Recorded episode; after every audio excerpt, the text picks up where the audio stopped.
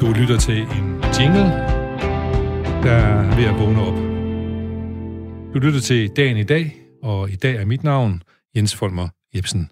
Velkommen til programmet, hvor vi vender og drejer natten og morgens og dagens tidlige nyheder og leder efter friske vinkler, man måske ikke lige har set komme. Velkommen til Dagen i dag, programmet, hvor dagens gæst har fået tildelt det vigtige værv som dagens nyhedsredaktør. Gæsten laver ganske enkelt sin helt egen top 10 over de mest tankevækkende nyheder, som han, hun, synes, vi skal give ekstra opmærksomhed, og begrunder selvfølgelig sit helt personlige valg.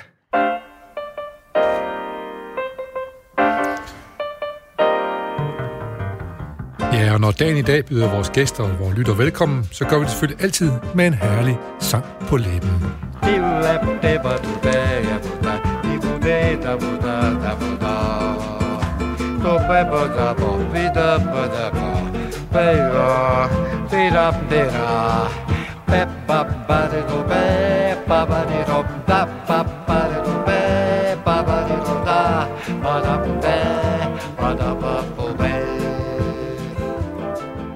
Ja, som så vanligt kan jeg se på dagens gæst her, at øh, vores øh, intro her, den har en positiv effekt. Men det var som om, du lyttede lidt ekstra opmærksomt. Måske sad du faktisk og lyttede efter guitarfiguren i det her. Hvordan, hvordan, hvordan, hvordan synes du, den lød, den guitarfigur, der var det her? Hvilken rolle spillede den?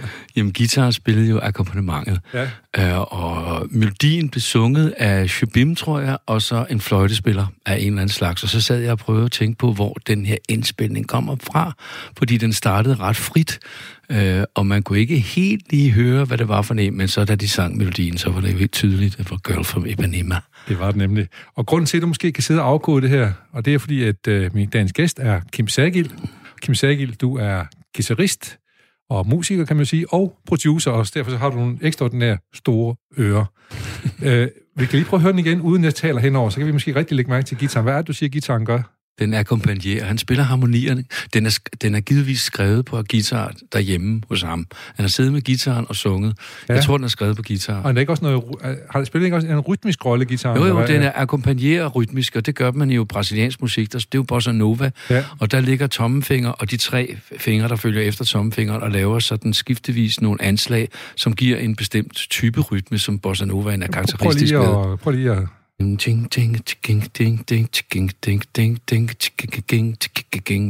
det der ging, ging, ging, ja. det skal vi prøve at høre efter nu her. Lad os prøve at lytte efter gitaren, den her fantastiske sang her. Vi hører også stadigvæk kun lige introen på den.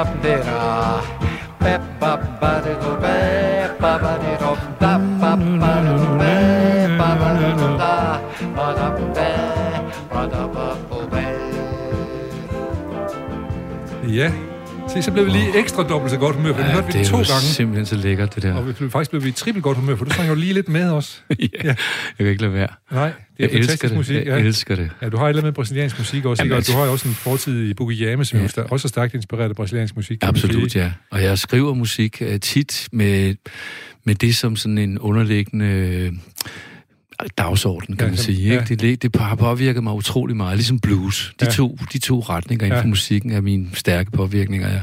Og så må vi sige, der er jo ikke meget bossa nova i øh, noget af det arbejde, du er mest kendt for, for eksempel øh, Afrika-singlen.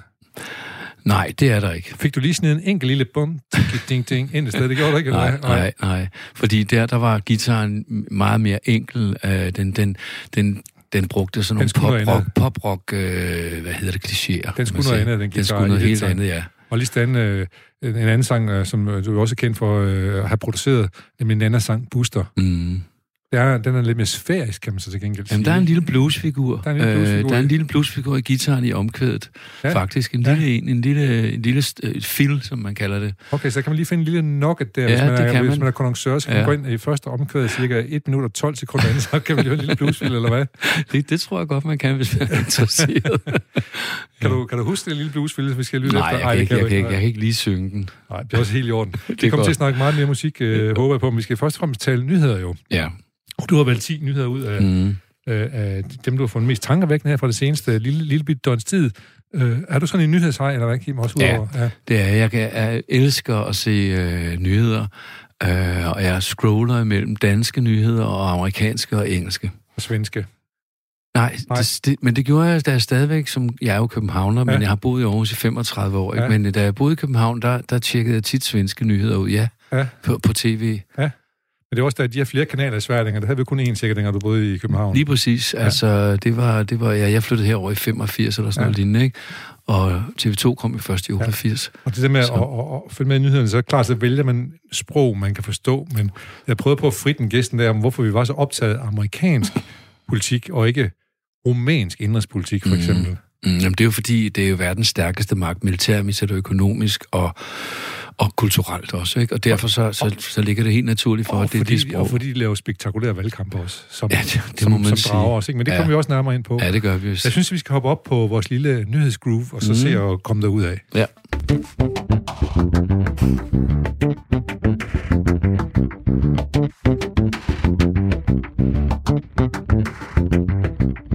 Ja, der fik vi lidt medvind til vores øh, nyheder her. Det var en dejlig bassist. Hvem var det? Han hedder Torben Vestergaard. Ja, jeg tænkte ja, ja. nok, det var ham. Øhm, du har, på den 10. plads, der har du valgt en, der hedder Donere penge til skib, som samler flygtninge op. Det er en lille nyhed fra den uh, engelske, faktisk rigtig fremragende engelske avis, The Guardian, og den handler ja. om kunstneren Banksy, som ingen rigtig ved, hvem er. Ej, men de det... kender alle sammen hans værker. Ja, og det her, det, det er jo sådan en... Det, det, det minder om et værk på en måde. Ja. Fordi han laver de her værker, og ingen ved, hvem han er, og lige pludselig er der sådan et vægmaleri på en mur ja, i en by. Det er graffiti nærmest, han ja, laver ikke tit, ja. ikke? Og tit har det nogle politiske, øh, socialpolitiske vinkler, vil jeg sige. Uh, her der har han så øhm, hørt om nogle aktivister i Middelhavet. Ja, jeg rækker lige en finger op for ja, at sige, at, øh, at øh, de, de værker, han laver, bliver jo sindssygt mange penge værd. Det gør de. Øh, og, og folk stjæler de mure, som de er malet på. Det er vildt. Og så var der et maleri, han havde lavet, som blev solgt på en auktion, for jeg kan ikke huske, hvor mange millioner det var, ja. men øh, x antal mange millioner. Som så og så selvdestruerede sig. Så selvdestruerede. Ja, dengang, det var så fedt. Dengang, at manden, eller har budt sine 25 millioner kroner ja. for maleriet, så sagde det bare... Ja, så, gik så blev det skåret op helt automatisk. Ja, ja, simpelthen. Det er fantastisk. Og det er Banks' kommentar til, at det her kunst, nu skal jeg så lige ja. klare pesten med... Men han har også råd til det. Han har råd til at lave sådan noget. Det må han jo have. Han har så i hvert fald råd til det, som er dagens uh, nyhed på den 10. plads. Fortæl om den. Det er, at han uh, blev fascineret af en historie om nogle uh, kvinder, som uh, hjalp flygtninge i Middelhavet. Og øh, så donerede han penge øh, til et skib, så de kunne samle flygtninge op, der var måske øh, lå i vandet, eller, eller som havde problemer med den øh, gummibåd, de var i. Og øh, de købte så en båd, der var meget, meget, meget kraftig motor, så den kunne sejle fra alle de her øh, inspektionsskib fra Italien og Libyen især. Øhm, og samtidig så var det også interessant, fordi de her, øh, det var kvinder, der betjente sig af skibet. I hvert fald var det kun kvinder, der måtte udtales, når de blev interviewet. Og så spurgte de, om det var øh, hvilken grund der var til, at de lavede det her. Ikke? Jamen, det, det var klart en antifascistisk øh, aktion, som de lavede. Så det var sådan nogle meget nogle hardcore politiske mennesker. Det var ikke Florence Nightingale. Alene men, så, i hvert fald. Men, men den her sammenstilling af en kunstner, som er, er hemmelig, og som laver mystisk kunst, der går i stykker af sig selv, som lige pludselig fonder øh, de her kvinder.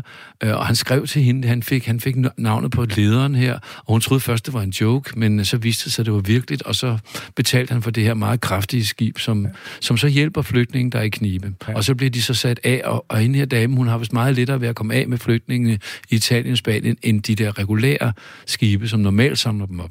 Fordi hun ved, hvad hun skal tale til de myndigheder. Ja, åbenbart, eller også har hun en position, eller, eller også er hun god, god til at kommunikere, hvad ved jeg. Ja, og øh, de har holdt jo faktisk det her skib hemmeligt i et godt stykke tid. Og, og øh, Banks er stillet som krav, man ikke tale om det, før man har lavet et par aktioner, der er blevet vellykket. Ja, den, den, den, den ja. øh, omstændighed er ja, jeg så ikke klar over. Ja. Men skibet hedder Louise Mitchell, opkaldt efter en... Øh, en fransk anarkist, tror jeg. En feminist-anarkist. Feminist-anarkist, det var, ja. Det, og, ja. det, og det er og det er lyserødt, tror jeg. Ja, det er og så er det en Banks i uh, på siden af skibet, ikke? Ja, lige præcis. Ja. Det, er ret, det, er ret, det er ret fint. Jeg skal lige høre, Kim, du bor jo selv af og til på, øh, i Grækenland, eller mm. det, i, din familie har sommerhus dernede. Ja. Der er også mange flygtninge på den ø, der ja, på vi Lesbos, har, ikke? Vi har oplevet nogle, nogle, nogle grimme ting dernede, det er på Lesbos, øhm, og vi har oplevet en dag at komme ned på en strand, hvor der så lå en masse veste, øh, og så på et tidspunkt kører vi ud af den lille by, vi, og så sidder de så under nogle træer, de her flygtninge, ikke? og har hverken fået vådt eller tørt, og det, Altså, det er sgu lidt mærkeligt at være sådan en, der har råd til at have ferie på, i Grækenland i tide og utide, og så se de mennesker fra, fra en helt anden ende af verden. Med, syre med det her, ja, det er syre, ja, det er syre. Men, øhm, men, men der er positive ting ved det. Altså, de er i den der lejr. Det er som en overhovedet ikke positivt. Den er, der, den er beregnet til 3.000, og der sidder 23.000 i den, ikke? Det svarer lidt til de her... Øhm, jeg ved ikke, om det svarer til de lejre, vi har hjemme, men i hvert fald så har de store problemer med at være der, de mennesker, der er der. Øh, de unge piger kan ikke gå på toilettet om natten, fordi, øh, ja, fordi de risikerer at blive overfaldet, og børnene har det enormt svært, fordi de kan ikke blive undervist om for sygdomme, de bliver ikke tilset af læger, og alt det der. Det er frygteligt, og nu er corona måske også kommet dertil. Ja. Men øh, den lille fiskerby, vi har et lille hus i, øh, der er lokale folk, som sætter en dag af om ugen, hver dag, og så tager de op med fornødenheder til, til lejren der. Og det er fordi, de har historier om, hvordan deres bedsteforældre blev smidt ud af Tyrkiet i 1920-24. Der var sådan en kæmpe folke udsmidningsprojekt øh, Atatürk, og så øh, i Tyrkiet, og de græske øh, magthavere dengang øh, grækerne blev inviteret til at, at lave krig mod tyrki, tyrkerne, fordi de havde tabt Første Verdenskrig sammen med tyskerne. Og så øh, opfordrede englænderne og franskmændene grækerne til at gå i krig med tyrkerne, og så fik grækerne bare så mange stryg, de var dårligt udrustet og alt det der, og så blev øh, en million grækere sendt øh, over til Græk, de græske øer, og så sendte grækerne alle de tyrker, der var på de græske øer, over til, til Tyrkiet. Så den historie om at være flygtning, den ligger dybt i grækerne, og derfor er grækerne faktisk meget langmodige med flygtninger, og det, det er jo faktisk kun dem, der hedder Ny Daggry, som sådan er sådan en halvfascistisk, eller måske helt fascistisk bevægelse med hagekorslignende tegn på t-shirtsene og de hejler osv. Det er de eneste, der egentlig demonstrerer imod det, fordi resten af grækerne, de har faktisk forståelse for syrernes situation. Det, det, det var det, jeg med det positive, altså. Ja, men så kan man så også, må man lige sige, øh, forlængelse af det her, der, der virker som om, at der er ved at opstå konflikter igen mellem Grækenland og Tyrkiet. De har deres både øh, militær både sejler op mod hinanden og står og poserer og går sig til og sådan noget for, hvem, hvem, har nu, hvem, hvem ejer nu det her, ja, den men, del af farvandet og sådan ja, noget. Men det... Og så har de også på Kyberen selvfølgelig, ja. som er stadigvæk at dele op mellem et tyrkisk og et, øh, mm. og, og, og et græsk øh, område. Men det er jo fordi, at, at tyrkerne, Erdogan, han, han ved godt, at de er beknep for energi, og der er muligvis naturgas i det her område, men det her område er alle internationale organisationer anerkendt som græsk område. Så hvorfor gør han det, når han godt ved det? Det gør han, fordi han håber på at forhandle en gang, hvor han kan få noget hjem af en eller anden slags. Han vil ikke være afhængig af Rusland, som nu leverer meget energi til Tyrkiet. Så han laver det her. Det er sådan i ren Trump-stil, ikke? Det er den samme, samme model, man farer frem med bål og brand i håb ja, om, at man kan få lidt ud af den i den sidste ende. Erdogan, hvis du lytter til os, så skal ja. du bare vide, at alt det bål og brand, du forsøger at tænde, det ved vi godt, hvorfor. ja. Og det er dumt. Øh, vi kunne godt snakke lidt om, det kom, kan vi måske også komme til senere, men måske komme til at tale om, hvad gør man med alle de flygtninge, der gerne vil over? Det er jo fint nok, at de blev samlet op af Banksy's båd øh, og blev sat i land. Men hvor mange øh, flygtninge, du siger, der er 23.000 på en lille ø, der hedder Lesbos. Mm-hmm. Det er måske også lige lovligt mange til en lille ø, eller hvad? Ja, men det man gør, det er, at EU og resten af verden tager sig sammen og, og tager de der øh, krigsflygtninge og fordeler dem på lille vis. Og med hensyn til alle de andre, der er de økonomiske flygtninge, der skulle man øh, måske se på ordentlige handelsforhold for afrikanske lande, altså at de kan sælge deres varer i EU og så videre. Altså der ikke er alle de her 12 restriktioner. Altså det gode gamle, vi skal sørge for, at det er hjemlandene, at man laver forbedringerne. Jo, simpelthen. Ja. Radio 4 taler med Danmark.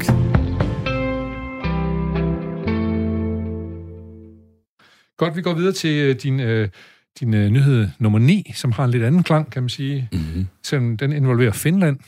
Mm-hmm. Fordi at, øh, der var nemlig nogle finder i Aarhus i går, og de var for at spille fodbold mod AGF. Det er ja. et finsk hold, som hed Honka, tror ja. jeg. Ja. Øh, og de skulle spille om at komme videre i den europæiske øh, fodboldturnering. Ja. Og hvordan gik det? Det gik jo rigtig, rigtig dårligt for det finske hold, for de tabte 5-2. Ja. Men det, det må siges, at de to sidste mål blev scoret i overtiden, så de, de, altså reelt så var det jo 3-2, og de, AGF var presset. Nu er jeg jo københavner, der bor i Aarhus, og mit tilhørsforhold til AGF er ikke så stort, men jeg synes jo, det er fedt for Aarhus, at deres klub, eller vores, hvordan man nu skal sige det, jeg, jeg, jeg kommer fra Lønby, så jeg holder ved Lønby, det er sådan, det, sådan, sådan er det, det bare, sådan ja, er det bare, ja. Øh, men jeg synes, det er fedt, at, at altså især synes jeg, det er skide godt, at de har fået sådan en træner som David Nielsen. Han er bestemt, og han ved, hvad han vil med sit hold, og han kan sætte sig i respekt over for ledelsen åbenbart. Så det kører, øh, der er en bestemt retning, og den følger han, og spillerne stoler på ham og respekterer ham. Og så har han også været træner for Lyngby. Det har han, da de vandt bronze for 4-5 år siden. Og nu vandt han bronze med AGF i år. Ja, det er simpelthen... Og, og derfor er AGF så i gang med at simpelthen kvalificere sig videre i europa ja. turneringen og det var det, de gjorde i går. går ja. ja det, var det, var, det var et stykke tid, inden de kom ind i selve hovedturneringen. Jeg mener, de skal eliminere to, til. to modstandere. Nå, det to til. Ja, ja. ja, det bliver svært. Til gengæld er de seedet, men det er så... Ja. Den tid, jeg krydser fingre den, for den tid, den glæde, ja. Ja, det er vige. For de vige. Øh, og så skal vi videre til din, øh, din øh, hvad hedder det, øh, nyhed nummer 8. Den handler om omskæring. Ja. Er du selv omskåret? Nej, men det var jeg lige ved at blive, fordi jeg er halvt amerikaner. Min mor var amerikaner, og jeg har boet i USA som barn i, i perioder, og det blev overvejet. Og der, og der var man flittig med kniven over for drenge? Der er masser af amerikanske drenge, ja. der bliver omskåret. Og det gjorde man ud fra hygiejnemæssige grunde, eller hvad? Hvorfor ja, man det? må ikke det er sådan noget streg øh, kultur, ja. øh, historik og så videre. Øhm, jeg, jeg synes jo selv personligt, det er, er, er noget mærkeligt noget, at man skal skære i mennesker, øh, ja. når de er forsvarsløse, altså når de er børn. Ja. Og det gælder alle børn, øh, både piger og drenge, øh, ud fra sådan et andet religiøst udgangspunkt. Det, altså jeg, har, jeg kan godt forstå, at religion kan afføde masser af, af spændende og gode kulturelle øh, vaner og måder at gøre ting på, måder at se verden på, som kan være gode for mennesker, som øh, måske ja, har i tvivl om, hvordan verden hænger sammen. Så kan religionen måske være en god måde at se verden, hjælpe en til at se på verden. Men det der, med, man i praksis skærer i folks kønsorganer, øh, før de er voksne, det, det kan jeg simpelthen ikke... Øh... Det er i hvert fald ikke noget, at dem, som blev omskåret, hverken kvinder eller øh, pigebørn eller drengebørn, det er jo ikke noget, de selv beder om i hvert fald. Nej. Og nu er, nu er der sådan en sag her, som handler om, at dem, som de læger, som skal rådgive om, hvordan sådan noget bør foregå, de har faktisk forladt det råd, som skal komme med råd til, hvordan man gør det. Ja, det er netop. Styrelsen for Patientsikkerhed, øh, som modspiller, øh, har, har ageret på en måde, så nogle, flere af medlemmerne øh, har forladt, altså det er forskellige lægelige grupper, jeg kan ikke huske dem alle sammen, men jeg hørte det i nyhederne i morges, og øh, det er jo fordi, at, at, at, at, øh, nogle af de mennesker, der er religiøse, de vil have sådan det, der hedder en øh, rituel omskæring. Og der er ikke lægetilsyn, og, og når, hvis det går galt, så, så, så må blive folk bare sendt på skadestuen og så videre. Ikke? Hvorimod øh, det danske lægevæsen, altså dem, der ved noget om, hvordan man gør med sikkerhed som vigtigste faktor, de mener, at det skal gøres. Det skal også journalføres øh, og så videre. Det skal gøres øh, af kyndige mennesker. Lige præcis, ikke? Øh, og det er der så der, der kan man sige, at myndighederne er enormt træge, og det er de jo, fordi de er bange for at træde øh, det jødiske trosamfund og måske mus, øh, muslimske trosamfund, hvad ved jeg, over tæerne, ja. fordi det er et øh, omtåligt emne, men, men, og der men, mener, at de skal steppe op. Men det virker mere handlekraftigt øh, over for, for pigebørn. Det kan man jo godt sige, det vil vi sgu ikke have. Jamen, det, det er jo fordi, det, kun, øh, det er nok fordi, det kun er muslimerne, der gør det, og det gør, ja. det, gør det jøde, jøderne ikke. Nej. Øh, men der kan vi godt sige fra over for omskæring, kan man sige, af børn. Jamen, men, men det er sådan noget derfor, mener du så, der er religiøs grund til det, eller Jamen, altså, religiøs forundtagelse. Hvad mener du selv generelt om, om omskæring? Ja, jeg, synes, jeg synes, det er, altså, det er 2020, vi lever i, det er ikke 1820. Stop det. Ja, jeg synes det er. Jeg synes, der skal lovgives omkring det, og så må de der trosamfund, så må de finde på nogle andre ja. ting at gøre. Gør det, gør det symbolsk. Altså, men der er masser af ting. Ja. Vi spiser jo ikke Jesus og drikker hans blod hver dag. Nej. Vi får en lille oblat, og så drikker vi en lille smule vin. Øh, altså, men der, kan, der kan sagtens findes på noget symbolsk. Ja, og man kan så sige, men det, som man så frygter lidt, det er så, at nogen tager dem til andre lande til ja, ja. tidligere hjemland og får ja. gjort af nogle, af nogle øh, ja, ja. endnu mindre ukyndige doktorer dernede. Jamen, det, ja. det, det, det, det, man altid ja. bruger, når, ja. når skal lovgives ja. om noget. Jamen, så flytter arbejdspladserne til udlandet, og så gør de det bare i udlandet, så er det meget værre. Ja. Men det er ansvarsforflygtigelse, efter min mening. Ja, der er lige en lille, lille undernyhed her, som egentlig ikke rigtig har noget med den her at gøre, men den handler dog trods alt om to mænd, som jeg formoder er omskårende. Nemlig to øh, præster ja. øh, øh, i, øh, fra Israel. Ja øh, jødiske præster, som Ja. ja. skal ud og flyve. Ja. Og de, er, de ortodoxe af dem, de vil ikke sidde ved siden af kvinder i Ja, flyvemaskiner. det, det er en præst og hans søn. Ja. ja. Og de har formodentlig, og begge to også øh, været der, ikke? Ja. Øh, og de vil ikke have, at der skal sidde en kvinde ved siden af dem. Nej. Så de bliver, den her kvinde, hun blev bedt om at flytte sig. Og siger nej tak, det vil hun ikke. Du skal, jeg skal ikke flyttes rundt med, fordi jeg er kvinde. Nej. Og så bliver hun presset til sidst, fordi flyet skal afgå og sådan noget. Og så har hun det rigtig skidt med at, at, at blive presset til at flytte sig. Og så skal hun flyve en anden gang med det samme flyselskab og fra Israel igen øh, mod London, fordi hun er øh, britisk øh, streg israelitisk. Og der nægter hun pur. Og der er det så øh, kun fordi, der er to andre kvinder i flyet, der bytter med de to mænd, der sidder ved siden af hende, at det kan lykkes. Men øh, hun føler sig så dårligt behandlet af EasyJet, som det jo var, at hun har lagt sagen imod Ja. dem. Og det er en israelsk kvinde, der tidligere har vundet sådan en retssag, Ja, ja, dog og- med, mod LL, det israelske flyselskab. Og, og det er ikke fordi, at de principielt har noget mod at flytte sig. Mm. Fordi, som hun siger, hende her i, i uh, EasyJet-flyet, hvis der var en familie, der havde problemer med at sidde ved siden af anden, så flytter man selvfølgelig sådan, deres søn eller deres datter eller et eller andet kunne komme over og sidde ved siden af familien. Men det er fordi, de beder mig om at flytte mig, fordi jeg er kvinde. Ja, lige præcis. Ja. Ja, og der, ja, ja, ja, min holdning til det, sådan noget der, det er, at de der religiøse, øh, de er meget religiøse, de, de er ortodoxe i øvrigt, ikke? men de er meget religiøse, altså de, jeg, jeg mener, at de må følge de regler, som man har. Som er i flyveren. Ja, synes jeg. Altså, ja, det, eller, det, så må de bare, som, som til eget fly. Jamen, så må de tage et, et, et ortodox fly, altså i stedet for. Men det er næppe så billigt som EasyJet. Nej, Men sådan er det så. sådan er det så. Godt. Videre til din nyhed nummer syv. Der er en stor overskrift, der hedder coronakrisen, og den kan jo handle om alt. Ja.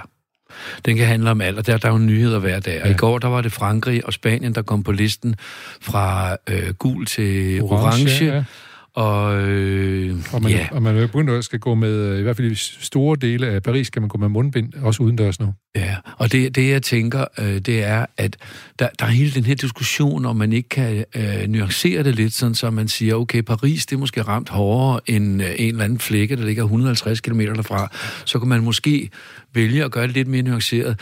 Det kan man jo med alt muligt andet i vores samfund. Der er der jo top nuancering på alt. Man kan, alting kan splittes op i 100 dele, og Men sådan har det faktisk også været mellem Danmark og Sverige, hvor man sagde, okay, Skåne er lukket, du må gerne tage til Blekinge, sådan noget, ikke? ja, Øh, og det kan man så ikke finde ud af. For eksempel Mallorca, der er næsten ingen tilfælde på Mallorca, nej. men fordi vi har lukket Spanien, så lukker vi også Mallorca. Ja, og øh, det, det man, altså, jeg kan godt forstå politikerne, når de siger, at vi, er vi er nødt til at agere, som vi bevæger os frem. Øh, altså, vi lægger asfalt, mens vi bevæger os Ja, frem. ja, ja, det og det, det kan jeg godt forstå, og jeg synes faktisk, det er et validt argument. Men nu har vi altså et halvt års erfaring med det her, og jeg mener, der må være etableret værktøjer, der kan gøre, at folk kan komme lidt lempeligere rundt. Øh, når, man, når man nu har ageret i den her virkelighed så lang tid, så må, må man da kunne finde på måder at Ja. øh, gøre det på, sådan så at mennesker kan komme rundt, øh, som ikke er en risikogruppe, og som heller ikke udgør en risiko for andre. Ja, og så sidder de alle sammen og håber lidt på, at måske du er den der russiske vaccine. Hvad vi, Ja, så, hvad, vi den så ikke, amerikanske. hvad vi så ikke rigtig tror på, jo. Ja, ja, men der er Fauci jo ude at sige, modsætning til Trump, at, at vi er nødt til at være forsigtige Ja, i, i lang tid. Ikke? Og det siger dansk, der er også nogle danske læger, der siger det. Men vi skal være forsigtige, Ja. ja. vi skal afprøve det, vi skal ikke fare frem med, Nej. med de Nej. første og de bedste. Og især ikke de russiske nok. Nej, der er nogen, der har talt om, at man kan risikere at få øh, lemmer, der vokser ud øh, på ryggen og sådan noget, lige pludselig, hvis man ikke gør det ordentligt. Men vi har talt meget om det her program, hvorfor er vi skeptiske over for, når russerne har fundet på et eller andet. Og det er selvfølgelig, fordi der ligger så meget propaganda i det, ikke? Jamen det er da også fordi, at det er jo et, et, et, et fuldstændig... Det, det er jo, deres demokrati fungerer ikke. Øh, på alle ledere kanter er der øh, mistanke og mistro. Ja. Så man, der ikke, man kan ikke stole på, på myndighederne. Altså det kan man jo Nej. ikke. Det, Navalny for eksempel, som nu ligger i koma i Tyskland, ikke? Øh, Det er en der- russisk systemkritiker, Ja. som er formodentlig er blevet forgiftet af Ja. at drikke en kop te, Ja, og så er de i gang med at prøve, om de kan redde ham ned på et Ja. øh, sted i Tyskland. Ikke? så var der hende, den russiske journalist, en smuk journalist, som var Polskøj, enormt ja. dygtig, Ja. ja. som blev dræbt på åben gade. Ham, der blev stukket med en Hun- nål i England. Hun var, hun var faktisk forsøgt øh, forgiftet først, Ja, jamen det skulle ikke undre mig. og så blev hun så skudt senere, fordi det ikke lykkedes. Ja. Ja. Så, så, så Putin og hans Og- styre, det, det, er lige så, det er lige så farligt som Kina og, og efterhånden også USA. Altså for os europæere. Så vi skal holde sammen. Vi skal videre til din nyhed nummer 6, og den har jeg glædet mig rigtig meget til. For den handler om TikTok. Ja. Jeg har ikke forstået en hyldende fis af rigtigt, hvad TikTok er for noget. Så det, Jamen det, det, jeg ved heller ikke så meget om det. Jeg, kan bare, jeg, jeg ved bare, at øh, TikTok har øh, rigtig, rigtig mange, øh, der har downloadet appen, og det er noget med små film, hvor man gør nogle forskellige ting. Øh, og øh, TikTok vil Trump have forbudt, fordi det kommer fra Kina. Ja. Og nu har Walmart og Microsoft tilbudt at overtage det. Og det var faktisk noget, som Trump var ude at sige, prøv at hvis TikTok skal fortsætte, så har I bare sælge det til amerikanere. Ja. Og det er sådan noget, der tyder på, at de i hvert fald gør i med deres USA-afdeling, eller den så blev solgt til amerikanere. Ja. Øh, men du er ikke på TikTok, kan jeg så næsten regne ud. Nej, jeg er, jeg er kun på Facebook. Ja. Det er det eneste af de der medier, jeg er på. Ja, det er også et for meget, Kim. Det er muligvis et for mig. Det ja. mener min kone nogle gange. Ja. Ja. Og øh, nu jeg mener jeg det så også, men skal, jeg skal ikke blande mig i din og din kones forhold omkring Facebook, i hvert fald. Men jeg synes, det er interessant det her med, hvordan øh, det, det der spil imellem Kina og USA, og med sådan en som Trump, som spiller i det, i det spil der. Ikke? Ja. Hvad er det, hvad kan afstedkomme, Ja. øh, at Walmart og Microsoft de nu øh, overtager og byder på, på det der ja. TikTok? Og det, og det betyder selvfølgelig også, at TikTok er kæmpestort, og man kan tjene millioner og milliarder på det. Lige præcis, ellers ville de ikke byde Ellers på vil de det. ikke, ellers vil Nej. de ikke byde på det. Nej. Og jeg tænker, det Trump er lidt bange for, det er måske, at med, med TikTok, så kan man måske øh, øh, begynde at aflytte, eller i hvert fald på en eller anden måde, øh, øh, hvad hedder det, øh, komme ind i de amerikanske systemer på en eller anden måde, og, og, og, kun, og dekonstruere dem på en eller anden måde. Jamen altså, der er grund til at være betænkelig, eller i hvert fald skeptisk over for alle de her sociale ting. Jeg, jeg, jeg ved ikke, om jeg husker rigtigt, men øhm, noget af grunden til, at, at Trump tabte det der valg i 18, det var jo fordi, at der var en hel masse unge, der, der mobiliserede øh, forskellige infoting, som gjorde, at folk i stigende grad, i højere grad stemte ikke på Trump, stemte på andre. Ja, det er rigtigt. Det må vi lige finde ud af helt præcis det i morgen. Ja. Eller til på mandag, hvor vi Ja. sender igen jo selvfølgelig. Godt. Nu er vi kommet til den her lille musik. Og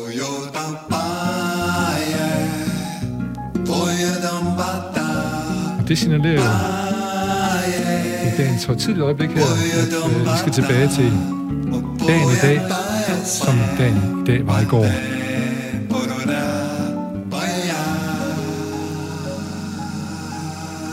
Ja, hvad skete der ellers den 29. august tilbage i tiden? Det, øh, ved, det er ikke en quiz det her, så du, ikke, du skal ikke svare rigtigt på det, dig om. Du kan kommentere på det, jeg siger, som fortæller, hvis det, hvis det siger noget overhovedet. Mm. Skal helt tilbage for eksempel til 1850, den 29. august 1850. Der er der en uopførelse af en opera. Det er Richard Wagners opera Lohengrin. Uh, ja. Og så er det også i øh, 1898, det er så næsten 50 år senere, der har vi vores gode ven, Caleb Bradham. Han har en sprudlende softdrink, som man kalder Brad's Drink, men den omdøber han til Pepsi Cola. Nej, hvor sjovt. Den kender vi. Og hvor lang tid siden er det 98. efter cola? 98, det skal jeg ikke kunne sige. Nej. 1904, nej, så har vi her 1918. I Sovjetunionen afskaffes den private ejendomsret til jord og fast ejendom den 29. august. Ja. Så der var fest den 29. august visse steder i Sovjetunionen. Og, og, og, men det, så slap de også et beskatningsobjekt. De kunne ikke beskatte det mere. Nej. Det var det, man skulle gøre i Danmark. Beskatte det fast ejendom lidt mere. Det, Ja. ja. det gjorde det lidt nemmere, det hele Ja, ja, måske. De bare. Du er jo sådan et gammelt kommunistsvin, ikke? Jo. Ja. Ja. Og øh, med hippie, og, altså gammel kommunist hippie, øh, svin, langhåret Ja. også. Ja. Og, og hele min familie, som sådan, set også. Også, kom, ja. Så du, kom, du, er, du er vokset ud af det her. Fuldstændig. Så hvis I havde været levende i 1918, så havde jeg også kippet lidt med flaget. den 29. august. Det havde vi muligvis. Muligvis nok. ja. Og så i 1940, den 29. august, der er der en mand, der hedder Børge Rosenbaum. Han er 31 år, og han øh, er skuespiller, og han øh, tager til USA. Victor Borge, ikke? Ja, han flygter fra nazisterne nemlig, Ja. og han kommer med skib til New York, og han skifter navn til Victor Borge. Ja. Han var en meget musikalsk øh, skikkelse, må man sige. Ja, fantastisk morsom, synes jeg. Øh, skiller han ikke lidt? Der er nogen, der sy- der slet ikke forstår hans humor, og andre elsker ham. Øh. Men det er sådan, tænker jeg, det er med det meste humor, på en eller anden Ja. måde. Men han er i hvert fald rigelig til, at han, han skabte sig en fantastisk karriere, og sådan set blev ved til, at han, til han døde her for nogle få år siden. Ikke? Ja, så bliver der lavet en dokumentar om ham, og det er sjovt, når folk er døde. Hvis den bliver lavet et stykke tid efter de døde, så er der altid sådan nogle negative Så øh, kan, ting man, i. så kan man godt lige lufte beskidte ja. Vasketøj en lille smule. Men så, så, så var han, var en, han var en dårlig far, simpelthen. Ikke? Han passede ikke ordentligt på sine børn. Han kom hjem, og så skældte han dem ud. Ja. Og så tog han afsted Det her, igen. vil jeg sige, det har jeg også prøvet. Ja. okay. Men bortset fra det, så var han jo en skøn kunstner, synes jeg. Jamen, altså, og nogle gange skal man jo bedømme folk på værker, og det er jo sådan set en, nogle af de store øh, dilemmaer, man engang imellem kommer ud for, ja. for der findes jo værker, der er fantastiske, ja. men måske er ophavsmænd, øh, ophavskvinder lidt mindre sympatiske. Jamen det er jo derfor, jeg, jeg, jeg nævner det her, fordi jeg bliver så ked af, at, at, at mit billede af ham skulle, øh, hvad det hedder, krakelere en smule med fortællingen om, at han ikke var et et godt menneske derhjemme. Jamen. Altså, hvorfor skal vi det? Det synes jeg ikke, det er interessant. Jeg, jeg, det er værket, der, der handler om for mig. Ja. Og, øh, men uh, vi, uh, som sagt, så er vi jo tit ude for det også, at uh, der kommer også historier om John Lennon, der har banket sin kone og så videre, men der kommer vi jo gå ind og kigge på hans værke også, og så kan vi så også til gengæld sige, lad være med at banke din kone igen, John. James Brown var også sådan, James Brown, ja. og, der, ja. og det er jo samme med Trump, ikke? Jeg har et billede af ham, han er, er forfærdelig, ikke? Hvis der er nogen, der kommer og fortæller nogle gode historier, så ødelægger de min opfattelse af ham. Det er ikke så godt, vel? Ja. Uh, så er der også den 29. august, at uh, man i uh, USA kunne uh, høre det her. I still have a dream. It is a dream deeply rooted in the American dream. I have a dream that one day this nation will rise up and live out the true meaning of its creed. We hold these truths to be self-evident that all men are created equal. Ja, det er fantastisk. Ja, den kunne vi jo godt uh, høre på længe, den uh, tale ja, der, ikke? Den er Martin fantastisk. Luther King, ja. Washington. Og han var sin kone utro også, for at nu blive i sporet. ja, men den her tale, den holdt han i uh, 1963, 29. august. Uh, og der var mere end 200.000 sorte og hvide, som gik side om side i Washington uh, og inde ved Lincoln Memorial, hvor han så holdt den her tale. Der er mm. faktisk også der, der findes nogle berømte billeder, hvor Bob Dylan og John Baez, de står ved siden af og spiller de til sammen. Ja. Ja, ja. Uh, og man må sige, Luther King, han blev ved og ved med at finde en form for aktualitet i dagens Amerika. Uh, han er jo stadigvæk ham, de henviser til hver gang, der er raceuroligheder. Nu har jeg også ikke, nu, nu kan det ikke passe, nu må vi styr på det der. Jamen altså, i min familie har det betydet noget, det der, fordi jeg boede i USA til sommeren 61, da jeg var ni, og jeg kan huske, jeg kan simpelthen huske den der tale, fra jeg var barn, og jeg, altså min mor så, sad og så den og tudede, simpelthen, ja. hun var meget følsom, men hun tudede over det, øh, over hvor smukt det var, ja. øh, det der, og hvor mange der var ja. på den der plads der, ikke? Og det fik så, så, så jeg kan, det kan jeg tydeligt huske. Ja. Øh, og så få måneder efter, så blev Kennedy skudt. Det gjorde han nemlig. Og der sad hun også tude, nemlig. Ja, I Dallas. Fordi hun havde, hun havde stemt på ham, jeg kan huske der, i, jeg var jo i USA der, den aften, øh, hvor der var valg, og også den aften, hvor han diskuterede med Nixon. Og den, jeg kan huske, jeg sad med min mormor og morfar, og de var republikanere, og det var noget andet dengang. Det ja. var Eisenhower, som var meget længere til venstre, end det, der er nu. Ja, det var så Nixon, der var kandidat for øh, ja. republikanerne der. Øh, ja, det var rigtigt. Øh, og så sagde min mor, så afslørede min mor, at hun ville stemme på Kennedy. Og min morfar blev rasende Avis. If we could, we could spit on Denmark, sagde han. du er afløst af dig. ja, netop. Ja. Men øh, det var faktisk den der berømte en, hvor de sidder i øh, The Chair, som den hedder, mm. den øh, store vinerstol om at have den første tv-transmitterede te- eller debat, kan man ja, sige. lige præcis. Og hvor, hvor Nixon, han svedte simpelthen så meget, der udgjort, utro- ja. kom til at se utrolig usympatisk ud, og det ja. flyttede måske de sidste 10-20.000 stemmer der, som skulle ja. til for, at det blev Kennedy. Øh, det kan godt være, at Kennedy måske så øh, på lang sigt blev lidt ked af, at han blev valgt, fordi han blev som sagt skudt i 63 i ja. november måned i øh, Dallas. Og, øh, og det samme gjorde Luther King jo i 68. Ja, men Memphis. det er jo USA i i en nødeskal, det her med, det er noget af det smukkeste kommer derfra, og ja. noget af det værste ja. kommer derfra. I 68, der forsøger amerikanerne at få, valgt, demokraterne at få valgt vicepræsident Hubert, Hubert Humphrey, Humphrey ja. efter kæmpe demonstrationer i Chicago, kan jeg huske, studentdemonstrationer og alt muligt andet. Men uh, der vinder Nixon så. Ja, på en, på en dagsorden, der hedder lov og orden, lov og det den samme den, Trump den minder om noget, nu. vi, vi hører. Ja. Ja. 1973, 29. august, et fem dage langt gisseldrama i kreditbanken på Normandsåret i Stockholm afsluttes. Politiet bruger under en lynaktion gas til gisseltagerne til fange. Hvad er det for noget berømt noget? Kan du huske det, der kommer ud af det? Jeg kan huske, at jeg, jeg, jeg, jeg kan ikke huske, hvad han hedder, men jeg kan bare huske, at der kommer et bestemt syndrom. Clark Olofsson. Ja, Clark Olofsson. Ja, der Clark. kommer et bestemt syndrom ud af det, Clark hvor, Olofsson, ja, ja, ja. hvor, man, hvor dem, der bliver taget som gisler, de, de fatter sympati for gisseltagerne ja. på et eller andet tidspunkt i et forløb. Ja, og det hedder Stockholm-syndromet. Ja, lige præcis. Og det ja. kom ud af det her, fordi der sad fire gisler i fem dage, ja. Ja. sammen med uh, Clark Olofsson og hans kumpaner, Ja. og begyndte faktisk at synes om dem, og synes, det var synd, hvis politiet de gassede dem. Ja, men uh, det, uh, sådan er det. 1982, 29. august, det nye musikhus i Aarhus indvis. Mm.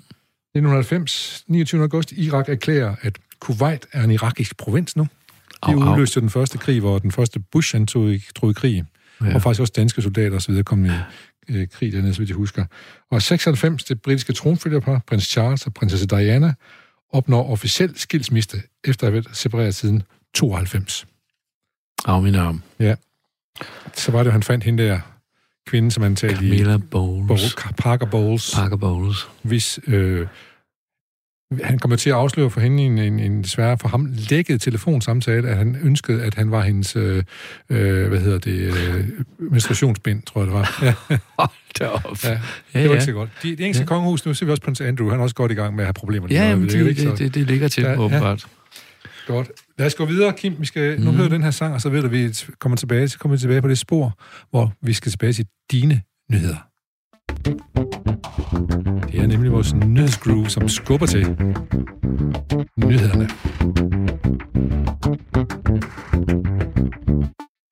Vi skal til de sidste fem nyheder af dine øh, tankevækkende nyheder, og vi begynder med øh, Sofie Linde, som har gjort sig Mhm. bemærket. Hvorfor har du valgt hende? Jeg hørte et interview med hende i morges i radioen. Jeg skal lige sige, Sofie Linde er jo hende, som er kendt for at være vært for øh, X-Factor. X-Factor. Ja, lige præcis. Og det handlede om køn og løn. Og det handlede om hendes to store ansættelser, nemlig Danmarks Radio, og der var det noget med kønnet, og TV2, der var det noget med lønnen. Og den måde, hun forklarede det på, man hørte også nogle klip fra en tale, hun har holdt til en eller anden Hun award. ved, hun har været ved Zulu Award. Ja, og jeg synes, det var ret sejt af hende at nævne de ting der, og vælge en platform, hvor der er plads til at sige sådan noget. Ja, hun, hun virkede ret velforberedt. Øh, det er jo ikke noget, man siger i X-Factor som vært, men, Nej. øh, men til en Zulu Award, der kan man godt sige sådan noget, som hun gjorde. Og hvad var det, hun sagde omkring Jamen, hun, hun sagde, at der var en eller anden ulækker støjer, der havde bedt hende om at sutte pik, eller også ville han ødelægge hendes øh, karriere. Der var hun 18 år, lige startet på Danmarks Radio. Ja.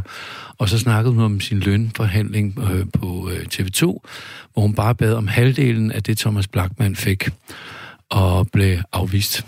Så hun sagde, jeg beder ikke om en husbåd, underforstået som Thomas Blackman har. Jeg bad bare om en jolle, og det kunne jeg ikke engang få. Lige præcis. Og jeg synes, det er sejt, at en medieperson som hende sætter sådan to dagsordner i en tale.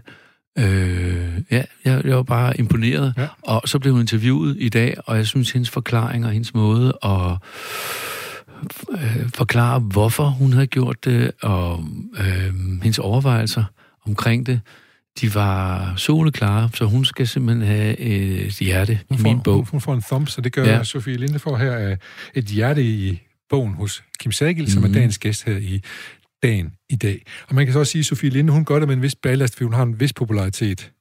Jamen, det er, jo, det, er jo det, det er jo det, der gør, at hun kan gøre Gør det. det, ja. Det, er, at folk synes godt om hende, ikke? Ja. Ja. Og hun er jo vel... Jeg ser ikke X-Factor, men jeg har fået at vide, at hun skulle være skidedygtig til det. Så går vi videre til din nyhed nummer 5, eller 4, undskyld, som du også har været skidedygtig til at finde nogen frem til os. Det er for eksempel en om Hvide Rusland. Ja. Der er jo gang i den. Ja, der, jamen, nu kan du kan også sige Belarus. Det kan man jo, det er bare en anden måde at sige Hvide Rusland på. Ja, øh, og, og der er jo store diskussioner om, det skal hedde Belarus eller Hvide Rusland. Øh, fordi de vil ikke opfattes som halehæng til, til Rusland, men nu har han jo lige lavet en aftale med Putin. Jeg så et billede i avisen, hvor han... Præsidenten, den. Ja. diktatoren i Hvide Rusland, Lukas- Belarus, Lukashenko. Lukashenko, som øh, nu vil gerne have øh, hjælp fra Rusland, og han jo hele tiden spillet på, i de 26 år, han har været øh, diktator eller halvdiktator, har han spillet på øh, det forhold, at han lægger grænser op til EU på den ene side, og Rusland på den anden side. Han har historisk fællesskab med Rusland på den ene side, men selvfølgelig vil han gerne have forretningsforhold øh, til EU, fordi det er den største økonomiske marked i Ja. verden på en måde, ikke? Og nu er han sikkerhedspolitisk på den, og så ringer han over til Ja. Vladimir. Men det er også interessant, så har han så sat alle mulige, øh, mulige oppositionelle øh, ledere i fængsel, og så er der to af deres koner, som har taget øh, faklen og ført den videre, øh, og har samlet flere hundrede tusind mennesker i, til demonstrationer. Dagligt. Dagligt, ja. Ja. Og hun er så hen her, øh, den her fængslede leders, eller oppositionsleders kone, er så flygtet til Litauen, og siger derfra, gode ting. Jeg synes, hun er klog. Hun, det, hun siger, er godt. Men han har nu øh, anholdt 20 journalister, der vil dække en demonstration, som var en demonstration mod Lukashenko. Og øh, det viser jo bare, hvad det er for en slags magt. Og det der med, at han vinder med 80% eller mere hver gang, det er jo også udtryk for svindel og humbug. Øh, jeg tror ikke, og, der er nogen, der stiller spørgsmålstegn ved, om det er svindel og humbug. Nej. Ingen af ham selv, formodentlig. Men det skal siges i radioen, synes jeg. Ja. Trods alt stadigvæk. Øhm, og jeg synes, det er enormt spændende at se, hvad der sker, om det bliver Putin, der kommer ind med sine såkaldte politistyrker, ligesom han gjorde i det østlige Ukraine, øh, og, og, og hjælper ham, idioten der, eller om det er hende, den øh, velartikulerede øh, kvinde, som sidder i Litauen med sine børn, der vinder den magtkamp. Det er spændende. Kim, vi lige så godt øh, indse det. Jeg tror, at det her århundrede kommer til, til at tilhøre kvinderne. Det er da helt fint for mig. Og, og nu kunne vi også se på båden med Banksy, som vi havde, som det er jo det er kvindelige besætninger, som er ude ja. og, og, og tage kampen der. Det er du ret i. Øh, og øh, vi ser det, at rigtig mange, flere og flere statsoverhoveder bliver demokratiske blev af kvinder, ikke? Mm. Og nu ser vi også, det er kvinderne, der tager teten i øh, Belarus, Hvide Rusland, og vi så også øh, for eksempel i Portland, hvordan møderne stillede sig op. Det er der, jeg kommer fra. Ja, I øvrigt, ja. ja. Det var det stillet sig op mellem politiet og demonstranter for at beskytte demonstranterne, for ja. at demonstra- beskytte deres børn, ikke? Ja. Det er også, der var det kvinderne, der ligesom gjorde en forskel. Og hvis vi tager medierne, ikke? Den her radiostation, det er, det er og TV2, alle sammen kvindelige ledere. Okay. Ja, smukt. Ja. Det er godt. Jeg, jeg siger ikke, at øh, alting er godt med kvinder. Jeg siger bare, at vi må nok se i øjnene, at det er kvindernes århundrede, som begynder at... Og jeg tror, at der er lige så mange kvinder, som mænd, som er dygtige og øh, endnu dygtigere, og nogen, der er lidt dårligere også. Jeg synes, det er og, godt. Og lige så dårlige som andre mænd er. Og sådan jeg, jeg synes, det er godt, at den, at den ene grund, at det er fedt med noget afveksling, og yes. det er fedt at se, at kvinder er lige så dygtige, og så det har vi jo øh, alle, efter min mening, fornuftige mennesker har jo sagt det hele tiden, at kvinder kan lige så meget som mænd, øh, måske med en lidt anden vinkel, men øh, det fungerer. Ja. Lige så godt. Så det, det, alene af den grund, synes jeg, at det er positivt. Så også her sætter vi hjerter i Kim Sækkels ja, lille bog. absolut. Og så skal vi videre til noget helt andet, som ikke, øh, som ikke så mange kvinder interesserer sig for, men måske nogen, nemlig fodboldspilleren Lionel Messi. Nå, jeg så da, jeg så da uh, Isabel Mirenar, den gamle tv inde, skrive på Facebook, at han flyver i... Det var efter, han havde sagt, efter han havde sagt, at han ikke ville være der mere, så skrev hun, jamen, jeg ved godt, han, ikke, han har taget et fly hjem til mig. ja, nej, godt.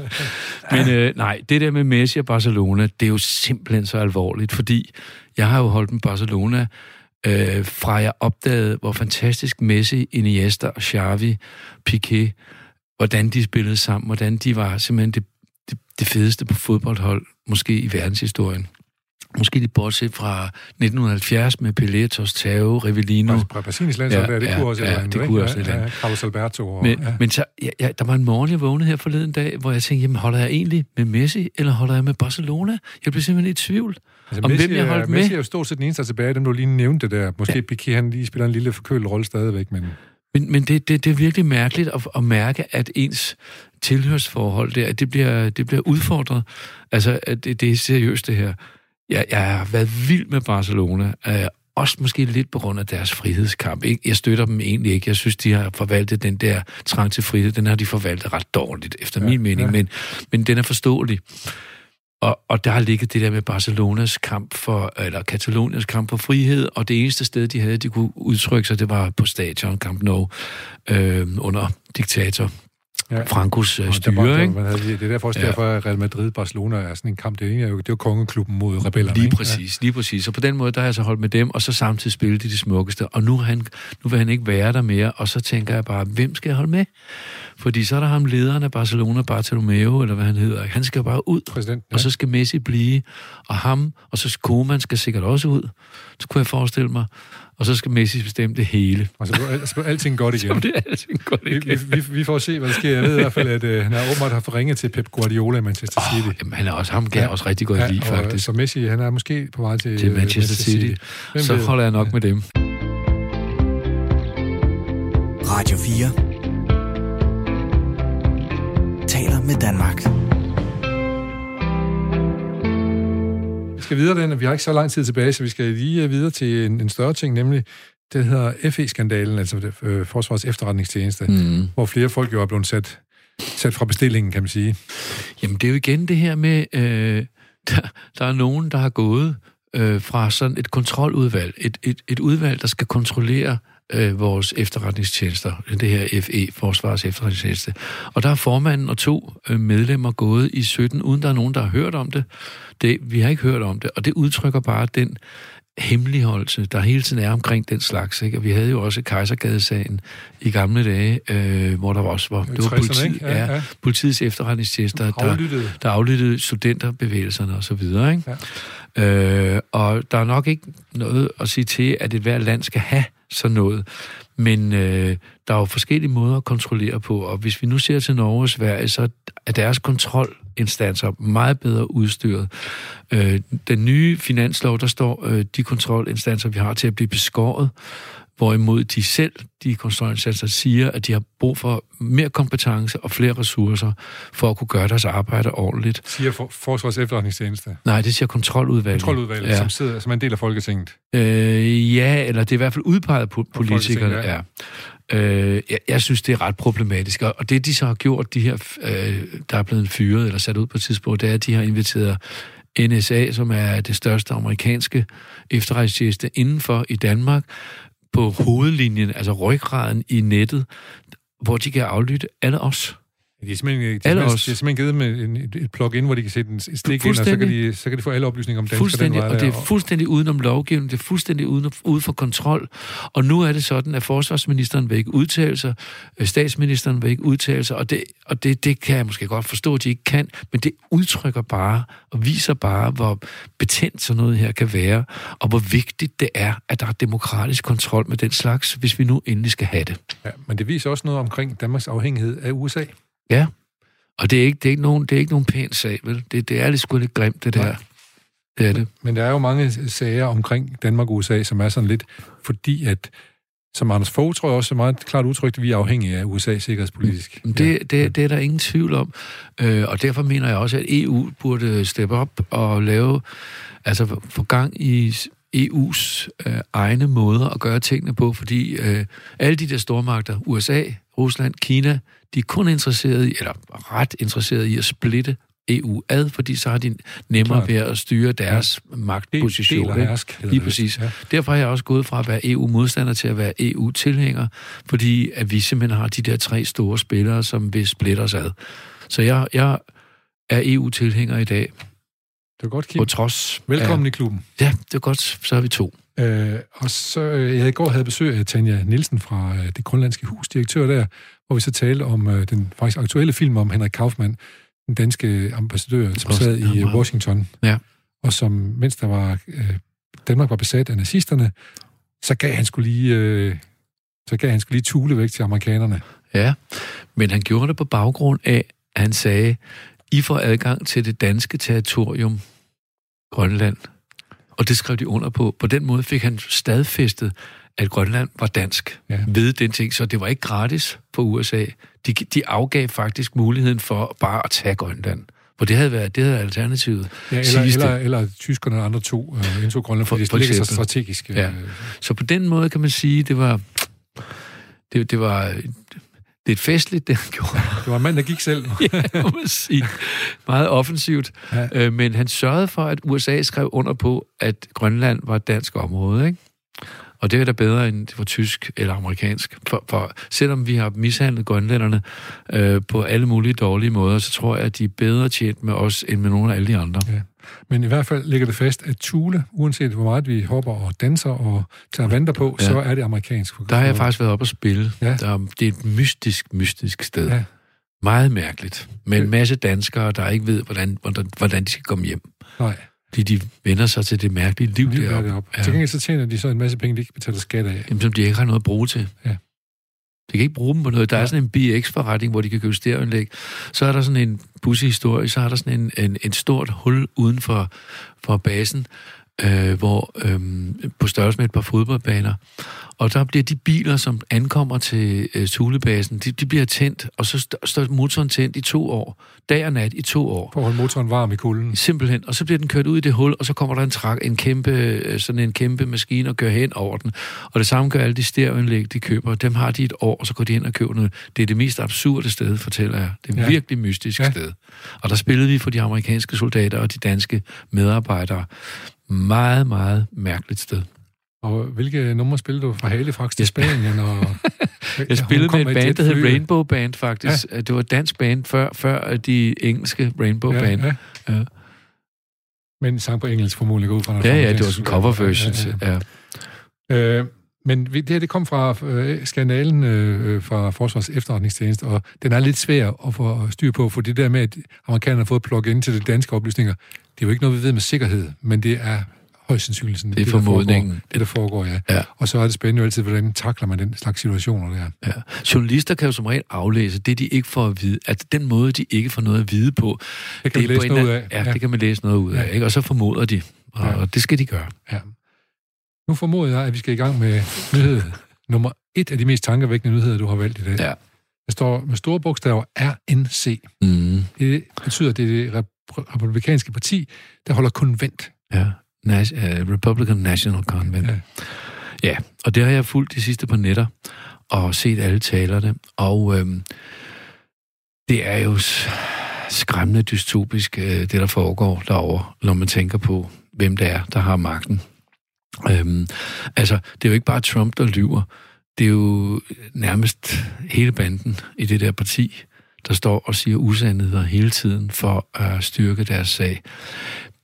Man kan sige, at de, de digter på et højt niveau. Øh, men altså, det er, det, det, det er uhyggeligt. Øh, og, og det er også tror, tror du, de får held med at, ligesom at vende den folkestemning, der er? I øjeblikket er der en folkestemning, tyder det på for øh, demokraternes øh, Joe Biden, skal være præsident. Men nu er, de, angriber de jo kraftigt ja. med halve og hele og tre kvarte sandheder. Ja, men han får, ja. jeg tror, Trump får en lille, øh, optur. får en lille optur, så går det væk igen, fordi hovedpointen er, at de der forstadskvinder, de har set, hvad han er for en, og selv republikanske forstadskvinder, øh, halvdelen af dem tvivler på, hørte jeg i radioen i morges, om de vil stemme på ham. Eller i hvert fald, om de vil stemme overhovedet. Og hvis ikke de går hen og stemmer, så er det ikke så godt for ham. Ja. Og så er der hans mærkesager, arbejdsløshed, økonomi. Ligesom jeg sagde, det er kvinderne, så hun er i gang med. Det er det, det er det. Men hans to hovedting, arbejdsløshed og økonomi, de er jo i bund.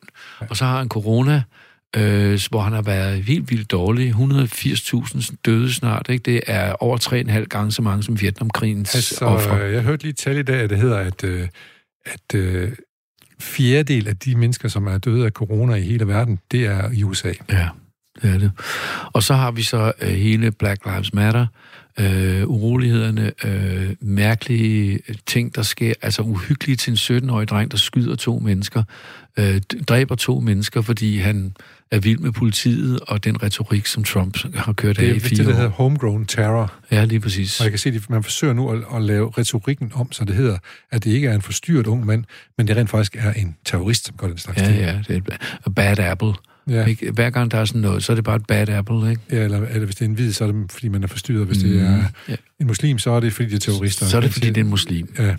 Øh, og det prøver man på i hvert fald at skifte retorik ja. på lidt noget mediemæssigt. Nu får vi se. Men det virker i hvert fald som en ting, det, gør, det virker som om, at Trump lægger ansvaret over for alt det, der er sket i hans regeringstid, som ikke er gået så godt. Det mener han er Bidens skyld.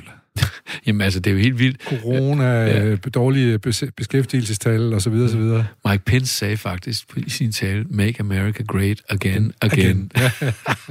det er jo helt absurd. Ja. Og det vil de også... Altså, ja, min spot om har de sidste måneder været, at han taber stort. Lad os håbe det. Også håbe, han tager på signalet. Måske. Ja. Men vi må ikke øh, være biased her i studiet, så jeg siger, at jeg håber lidt på, at der også i hvert fald er to-tre stykker minimum, der stemmer på Trump, trods alt. Kim Sadek, det er en fornøjelse ja. at have dig i, som gæst her i uh, dagens, uh, dagens program, uh, dagen i dag. Uh, og jeg håber også, at du, uh, på trods af, at vi satte dig til at analysere musik, hvor du ikke var forberedt på, at det så var okay faktisk. Jamen, jeg er super taknemmelig for, at jeg overhovedet må komme herind og ja. fortælle, hvad jeg synes. Ja. ja. Men er det vi er glade for, at folk kommer og fortæller, hvad de synes. Og vi har snart lavet 100, eller vi har faktisk lavet 100 programmer nu her, og vi fortsætter på mandag og hele ugen ud med de næste fem dagen i dag programmer. Så, men øh, øh således øh, er vi ved at være nået til vejs ende, og mens verdens gang og mulig undergang ufortrøden fortsætter, så er det måske værd at øh, erindre sig, at øh, der findes øjeblikke, der er så guddommelige, at de trodser alle religioner.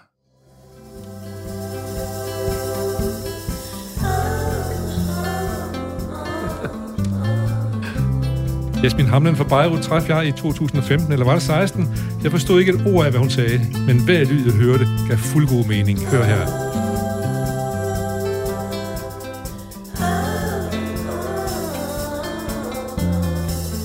efterhånden, som jeg lyttede mere og mere til hende, så synes jeg, jeg kunne begynde at forstå i hvert fald et enkelt to ord, hvad hun sagde.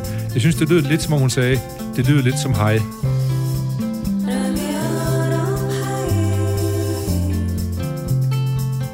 Ja, det lyder lidt som hej. Og vi skal også til at tænke på at sige hej, hej herfra.